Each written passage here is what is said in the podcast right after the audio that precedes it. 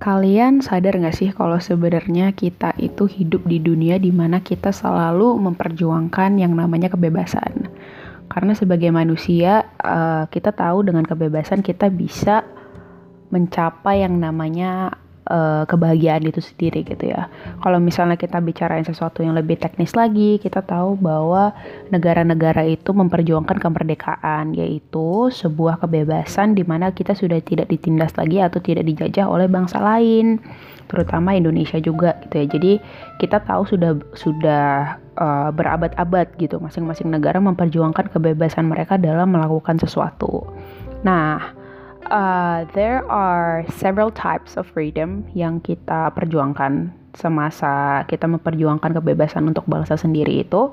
Dan untuk kalian yang belum tahu, kita itu baru mulai untuk untuk uh, kebanyakan negara gitu ya yang memperjuangkan kemerdekaan mereka karena mereka dijajah oleh negara lain. Uh, I think between 1908 until 1990 itu kita memperjuangkan yang namanya uh, sexual freedom. Di mana sexual freedom ini adalah sebuah emansipasi atau sexual expression yang diperjuangkan agar kita bisa uh, secara gender, secara sexual behavior, kita bisa secara bebas tanpa ada ikatan atau boundaries yang mengikat kita secara konservatif kayak gitu. Dan sexual freedom ini uh, menuju ke satu tujuan yang namanya adalah sexual liber uh, liberation. Tapi kalau aku baca sejarahnya itu itu sebenarnya berlakunya di states doang ya, di US, di Amerika di mana kita uh, dari tahun 1960 itu bisa memperjuangkan yang namanya sexual liberation dari banyak banget kayak badan-badan uh, atau komunitas yang memperjuangkan hal itu untuk masyarakatnya kayak gitu loh. Tapi yang aku sebenarnya pengen tekenin adalah kenyataan bahwa negara-negara itu tumbuh dalam dasar yang berbeda gitu ya. Karena sexual liberation itu tidak berlaku di Indonesia. Kenapa? Karena Indonesia menganut uh, Pancasila dengan sila pertamanya yang di mana di agama kita tahu kebanyakan waktu uh, sex or anything that involving um, sexual behavior it's not something that is justified. Itu bukan sesuatu hal yang benar gitu di dalam negara kita. Dan di sini aku tidak membicarakan yang salah dan benar ya. Kita tidak membicarakan uh, uh, which one is right or which one is wrong or which one is should uh, prefer to do kayak gitu loh. Aku cuma pengen ngomongin aja dan pengen diskusi benar-benar menurut aku sebenarnya uh, kita itu butuhnya apa sih sekarang kalau misalnya untuk menanggulangi kekhawatiran-kekhawatiran para orang tua dan para teman-teman sekalian soal sex before marriage gitu kan. Karena ini suatu hal yang udah berlangsung berkali-kali dan kemarin pun aku baru lihat berita tiba-tiba ada seorang apa ya uh, remaja gitu umur 19 sama 20 ketahuan lagi tiduran bareng di kosan terus langsung dinikahin di polsek sana juga gitu. Kalau nggak salah Blitar apa di mana gitu ya. Itu benar-benar langsung dinikahin di sana gitu. Dan aku melihat berita itu miris aja gitu. Kenapa hal seperti itu uh, harus menjadi kenapa hal yang private ya yang tidak merugikan orang lain itu harus menjadi tanggung jawab uh, aparat setempat sampai negara sampai akhirnya mereka harus dinikahkan gitu. Sampai mereka harus merelakan uh, apa ya um, masa-masa eksplorasi mereka untuk berteman lebih banyak, untuk bisa sekolah dan segala macam hanya untuk hal itu gitu loh. Jadi sebenarnya apa sih yang sedang terjadi di Indonesia dengan hal ini gitu tentang uh, sexual liberation itself kayak gitu kan. Jadi uh, latar belakang dulu kita tahu semua Indonesia itu tumbuh dengan Pancasila, Indonesia uh, benar-benar mempertahankan yang namanya nilai agama dan di mana sex before marriage is something that is not um, legalized di sini juga gitu loh. It's not something that orang-orang nge-persuade untuk kayak nggak apa-apa dan segala macam gitu kan. And um, kita tahu bahwa di Indonesia itu juga sebenarnya pada dasarnya banyak banget uh, kontradiksi-kontradiksi dengan apa yang sudah kejadian sekarang kan. Kayak misalnya kayak uh, Indonesia tanpa pacaran lah dan segala macam kayak gitu. But that's like a totally different case. I really want to talk about it later on, uh, a lot more, a lot deeper if I could in my next topic. Tapi untuk sekarang sih aku sebenarnya pengen ngomongin tentang bagaimana uh, stigma seperti ini ya, stigma konservatif di mana kita mempertahankan nilai agama tanpa menyediakan solusi lain itu uh, cenderung cenderung mempromosikan yang namanya early marriage atau nikah muda gitu loh. Kalau untuk sekarang sih kayaknya persentase nikah muda udah banyak banget ya. Uh, nikah muda itu kalau nggak salah, kalau nggak salah secara definitif itu umur 18 tahun ke bawah gitu ya. Tapi kalau untuk aku pribadi sih kayak menurut aku nikah muda itu 22 tahun ke bawah itu kalau untuk aku pribadi itu masih terhitung muda aja gitu kan. Itu masih bisa S2. Eh itu baru selesai S1 deh harusnya ya baru selesai S1 terus bisa S2 dan segala macam ya kayak gitu deh pokoknya uh, itu juga a total different case tapi untuk beberapa kasus itu bukan sebuah hal terpuji untuk dilakukan gitu kalau menurut aku. Karena kebanyakan waktu dengan nilai-nilai kita yang belum stabil sebagai seorang seseorang yang dewasa kalau misalnya orang yang baru transisikan dari remaja ke dewasa tuh belum sepenuhnya dewasa secara emosional, secara mental, secara finansial terutama kayak gitu itu uh, sesuatu yang terlalu impulsif untuk dilakukan. Because marriage is not only about combining the two of you it's about combining two families and having a future together. And in fact living your whole life together. And that's sometimes is like a very problematic thing when it comes to like your unreadiness to face those kind of things kayak gitu kan. Tapi um, yeah, jadi kayak hal-hal seperti itu tuh promotes early marriage terus kayak karena kan biasanya orang-orang yang kayak eh daripada dosa deh ya udah kita nikahin aja sekarang kayak gitu kan. Dan itu suatu hal yang kayak uh, satu bisa merugikan lo sendiri dan dua bisa merugikan anak lo nanti kayak gitu kan. Um, ya. Yeah. ya yeah, especially those kind of stigma juga tentang early marriage itu coming from our elders kayak orang tua kita yang soulnya itu kayak jiwanya tuh masih ting ketinggalan 50 tahun lalu gitu kan. Jadi kayak uh, itu menimbulkan gesekan antara kayaknya uh, antara sesuatu yang benar-benar kita butuhkan seperti se comprehensive sex education yang seharusnya ada di Indonesia kayak gitu. Tapi yang sebenarnya lucu tentang ini ya, lucu tentang apa yang terjadi di Indonesia sekarang di mana kita benar-benar ngekondem aksi dari sex before marriage tapi kita tidak melakukan solusi terhadap hal itu gitu. Yang kita benar-benar lakukan adalah ngegerebek orang-orang, kalau nggak ngegerebek orang-orang ya kayak bilang ya orang tua harus nge-instill uh, those kind of values inside of their kids and whatnot. Yet kita nggak sadar seberapa banyak peran edukasi di sini gitu loh. The majority of edu education institution tuh would refuse, mereka akan menolak untuk teach sex education karena menurut mereka itu adalah sebuah uh, kesalahan gitu loh karena itu adalah sebuah justifikasi di mana kalian boleh melakukan seks bebas dan kalian akan dan itu merupakan suatu hal yang ditentang oleh agama which is the main fundamental thing that our nation has and stuff like that. Tapi mereka tuh nggak pernah naruh atensi di hal lain gitu kayak consent atau hal-hal um, yang berhubungan dengan sexual signs of upcoming assault yang bisa aja terjadi di perempuan maupun di laki-laki dan bagaimana mereka harus menangani hal itu dan segala macam kayak gitu. Dan itu gak pernah muncul pikiran seberapa pentingnya hal itu gitu loh. Dan kita tahu seberapa banyak juga eh, kasus-kasus uh, perkosaan, kasus-kasus sexual assault yang gak berhenti muncul setiap harinya di Indonesia kayak gitu kan. And what is funny about this? Kalau kalian menganggap maaf, tapi ini kalau misalnya agak uh, frontal dikit, tapi aku bilang kalau misalnya kalian menurut kalian dengan nge-instill nilai-nilai agama di sekolah saja sudah cukup untuk menanggulangi hal itu, ketahuilah bahwa ada 620 ribu orang yang uh, suffer from HIV/AIDS yang disebabkan oleh unsafe sex. Dan itu menunjukkan bahwa itu kalau nggak salah ada itu totalnya 0,23 persen ya dari keseluruhan uh, ini keseluruhan 252 juta orang di Indonesia gitu. Sedangkan di Amerika ada sekitar kalau nggak salah 1,1 juta orang dan itu kayak sekitar 0,29 persen dan itu maksud gue dengan selisih yang sangat sedikit itu itu menunjukkan bahwa emang solusi yang kita punya itu tidak efektif gitu loh. Jadi solusi apa lagi yang sebenarnya harus diberikan? Ya banyak sih sebenarnya komunitas udah berkembang banget, udah um, very progressive ya. Our society is very progressive in this kind of things. Tapi secara uh, institusi formal kayak misalnya sekolah dan segala macam, menurut gue juga harus sebenarnya diinstal uh, a comprehensive sex education di mana kita menga tidak mengajar tidak hanya mengajarkan tentang safe sex tapi kita mengajarkan juga tentang namanya consent kita mengajarkan juga tentang sexual assault dan bagaimana cara menanggulangi hal itu kayak gitu I think that's um, something that needs to be considered by people if you really don't want sex before marriage to happen, you know. Tapi um, in other cases, kayak di in a more liberal world, we can see how the states or in fact like any other developed secular country mereka tuh kayak punya toleransi tinggi banget terhadap hal-hal kayak gini kan di luar dari regulasinya agama kayak gitu loh kan.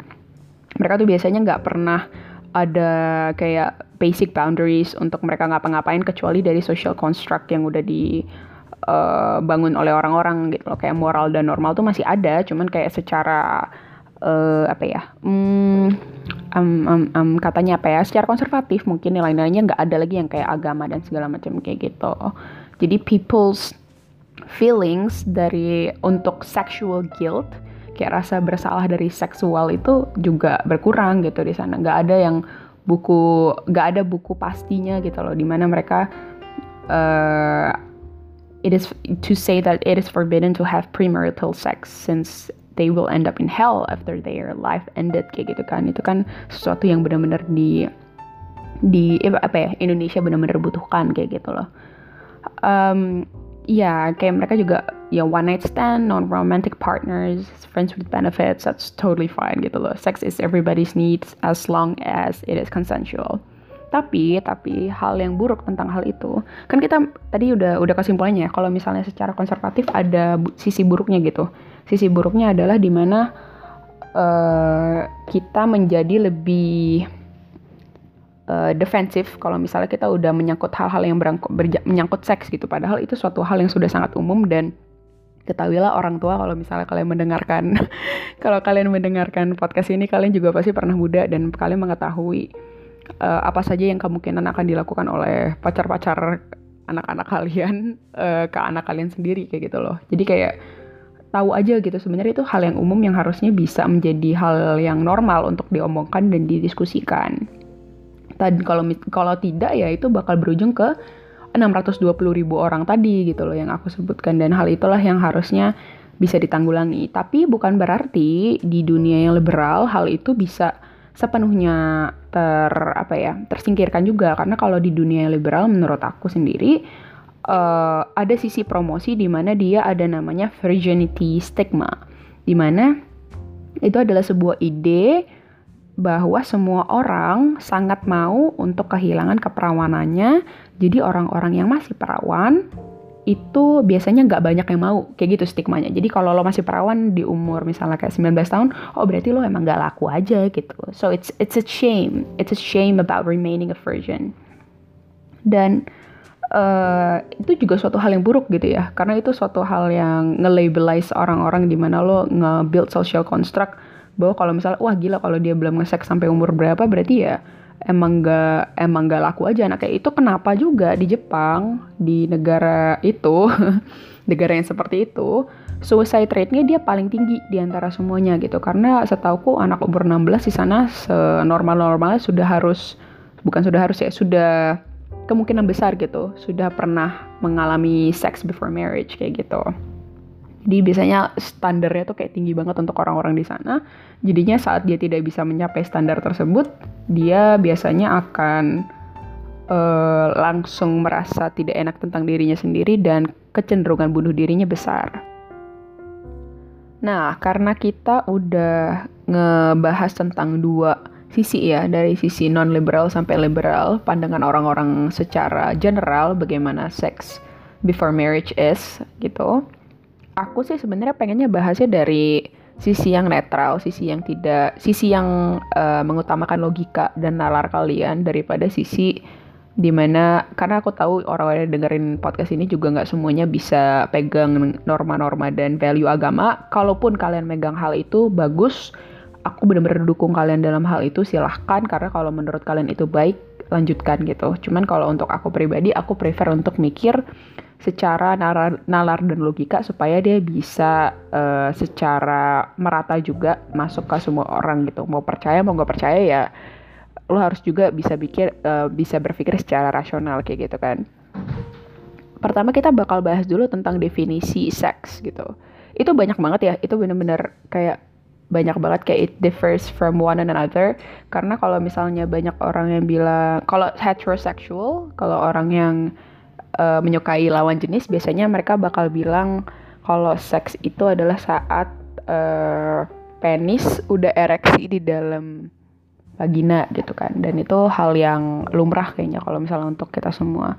Tapi ada juga yang kalau misalnya yang homoseksual mereka bilang that sex is you are not a virgin anymore when kamu udah melakukan anal oral dan banyak uh, tipe-tipe seks lainnya kayak gitu. So it's to it totally depends on you. Tapi untuk sekarang kayaknya aku bakal sama ratain adalah di mana saat um, uh, penis udah ereksi di dalam vagina kayak gitu kan. And, and that's uh, the exact thing that we're trying to avoid here. We're trying to explain juga gitu secara konsep seperti apa kayak gitu kan so yeah we're gonna talk about the concept and rational thinking of premarital sex Now, in my opinion, I don't think that's the best way of like um, living your life. Aku menurut aku kalau untuk aku pribadi, aku menolak untuk melakukan uh, premarital sex and I would encourage you guys to do the same because I, I have several explanations even though that if you actually have a different way of thinking that is totally fine. Kalau kalian punya cara berpikir yang berbeda nggak apa-apa itu masalah persepsi aja dan aku hanya menyampaikan pendapatku di sini. Dan yang pertama itu kita bakal ngomongin the cost to health kesehatan. Kita banyak banget uh, nggak uh, tahu gitu ya walaupun kalau misalnya kalian kayak hidup 18 tahun sama pacar kalian sekarang terus kalian kayak mikir dia baik-baik saja dan segala macam kayak gitu kadang gue kayak masih skeptis aja gitu. Kalau misalnya uh, tiba-tiba ternyata dia di luar ngapain sama orang lain juga dan kita nggak tahu terus kita juga harus menanggung uh, akibatnya ke kesehatan kita dan segala macam dan itu that's not a good thing and I don't think um, untuk gue sebagai orang yang sering banget keluar masuk rumah sakit kayaknya gue nggak rela gitu untuk merelakan duit gue untuk uh, nantinya berobat dengan cost to health itu. It, it's something to be considered gitu loh. Tapi kalau kalian udah yakin banget ya terserah mau ngapain kayak gimana. Cuman gue tidak mau mengambil resiko itu. The second one is um, ini yang lebih besar lagi itu the cost to possibility in being pregnant and having early marriage. Jadi uh, gini sih sebenarnya sebenarnya guys ada riset yang mengatakan bahwa lebih susah buat cewek hamil daripada uh, lebih susah buat cewek hamil daripada buat dia nggak hamil gitu. Ada yang riset melakukan melakukan uh, melakukan riset ada seseorang yang melakukan riset itu sudah menyatakan hal tersebut gitu. Tapi di satu sisi juga yang aku pikirin ya tapi tetap ada berarti possibility di mana dia bakal hamil kan. And I, I will take that chance and take it as like the boundaries for me to not do sex before marriage kayak gitu. Karena uh, menurut gue saat lo hamil saat lo hamil yang lo rugikan bukan hanya diri lo sendiri dan pasangan lo tidak. Tapi lo merugikan satu keluarga lo sendiri dua keluarga dia dan anak lo nanti yang uh, notabene lo sendiri belum siap untuk menerima hal itu gitu loh. Lo notabene lo belum siap secara mental secara finansial untuk menerima hal itu and itu kenapa itu kenapa gue uh, selalu bilang ke orang-orang yang pengen melakukan sex before marriage terutama teman-teman gue yang curhat ke gue adalah kalau lo mau melakukan silahkan tapi please be aware of um, the things that will happen kayak gitu karena kalau misalnya nanti dia hidup, ya anak kalian hidup di bawah orang tua yang tidak siap, ya kasihan mereka. Kalian jadi orang tua tuh jangan egois, jangan mengutamakan kesenangan kalian doang. Coba dipikirin anak kalian nanti kayak gimana, sekolahnya gimana, SD, SMP, SMA, kuliah mau kayak gimana. Itu dipikirin sejauh itu, asuransi nanti gimana. Karena kalau misalnya kalian tidak memikirkan hal itu, ya kalian berarti merugikan orang tambah lagi kalian merugikan satu orang lagi gitu loh kecuali kalian sudah sangat kalian sudah sekaya Bill Gates atau mungkin kalian ke, yang harus sekaya dia juga sih Jeff Bezos lah boleh ya ya nggak tahu nggak ding maksudnya ya kalian kalian sudah ya, merasa yakin kalian bisa menginstil semua hal itu nanti di kehidupan semua orang dari orang tua kalian, anak kalian dan kalian bisa bertanggung jawab sepenuhnya ya silahkan. Tapi kalau untuk aku pribadi aku memilih untuk tidak mengambil resiko itu kayak gitu loh. Dan itu uh, suatu hal yang harus kalian takutkan ya karena honestly temen gue karena temen gue juga kayak ya pakai kondom masih terus kayak masih have safe sex tapi akhirnya akhir akhir akhirnya juga hamil gitu ya. Itu itu unexpected pregnancy juga sih waktu itu dia. Cuman um, I think she's doing good now tapi waktu itu dia sempet breakdown banget karena dia nggak nyangka kenapa hal itu bisa kejadian. Untuk kalian yang masih ngelakuin hal itu uh, pikirin baik-baik dulu. Maksudnya untuk secara frekuensi intensitas dan uh, praktisnya gitu ya. Kayak the practice of you doing safe sex itu dipikirin baik-baik coba di diatur gitu loh. Atur bener-bener biar kalian nggak ngerasa uh, biar kalian nggak nggak ke, kebablasan kayak gitu loh. Istilahnya seperti itu. Kalaupun kalian mau kalau nggak mau ya silahkan juga nggak masalah. Aku aku pun juga tidak mengencourage kalian untuk melakukan hal itu seperti itu. The last one is the cost to your mental behavior because of sexual attachment. Nah jadi gini um, aku baca riset tentang ini juga di mana kalau misalnya kalian secara fisik sudah sangat intim terutama dari kegiatan bersetubuh atau kayak sexual uh, behavior seperti itu, kalian bakal cenderung punya ketertarikan atau ketergantungan yang lebih besar daripada orang-orang pada umumnya. Ya ini uh, sebenarnya ada beberapa kasus juga di mana orang-orang itu nggak pakai perasaan sih kalau kayak gitu. Cuman menurut gue itu agak susah apalagi kalau misalnya kalian uh, fully conscious of what you're going to do gitu loh. Kayak fully conscious terhadap pilihan yang kalian buat. Dan hal itulah yang harus kalian pikirkan kembali karena attachment sucks you know. Especially when you you're not even sure if he's or she's like the one you're going to spend your life with you know. Dan itu bakal jadi suatu hal yang harus kalian pikirkan lagi baik-baik dan putuskan gitu. Karena um, I think ya mungkin banyak orang menganggap seks itu suatu hal yang berdasarkan nafsu tapi menurut gue nggak harus selalu seperti itu. Ada porsi cintanya pasti kok. Dan gue pas dan gue encourage kalian untuk memastikan bahwa um, it goes mutual ways gitu. Jadi gak hanya kamu yang menanamkan cinta di sana juga tapi dia juga bisa seperti itu gitu. Biar dia nggak uh, aneh-aneh juga kan kalau misalnya udah kalian melakukan hal itu kayak gitu. Jadi dipastikan dulu Nah, yang terakhir itu sebenarnya gue pengen ngasih saran ke orang-orang yang emang merasa say uh, sex before marriage is okay gitu ya. Karena kan tadi gue udah ngasih ini pendapat tentang menurut gue kenapa menurut gue uh, um, kok same sex marriage, sex before marriage. Sorry ya gue kebawa mosi-mosi debat gitu. Cuman kayak menurut gue uh, sex before marriage gitu. Kenapa menurut gue sex before marriage itu tidak baik itu gue udah jelasin tadi. Tapi gue juga punya saran untuk orang-orang yang berpikir kebalikan dari gue gitu. Yang berpikir mungkin uh, ya yeah, it's okay to do sex before marriage because basically I don't have any like um, I don't have anything to be worried about kayak gitu. Kalau kalian yakin seperti itu ya nggak masalah. Itu prinsip kalian. Tapi aku menyarankan yang pertama adalah kalian memastikan bahwa sex before marriage yang terjadi adalah hal yang berdasarkan consent Consent itu apa? Consent itu adalah sebuah mutual agreement, jadi persetujuan yang dua arah di antara kalian untuk bisa terjadi. Jangan ada satu yang mabok, jangan ada salah satu yang mabok atau salah satu yang nggak sadar untuk melakukan hal itu karena itu bukan konsensual dan bisa saja dianggap sebagai rape atau aksi perkosa kayak gitu kan. Dan hal ini adalah hal yang penting karena cenderung nggak diberitakan juga ya ke anak-anak muda zaman sekarang bahwa consent is something that is crucial when it comes to sexual behavior.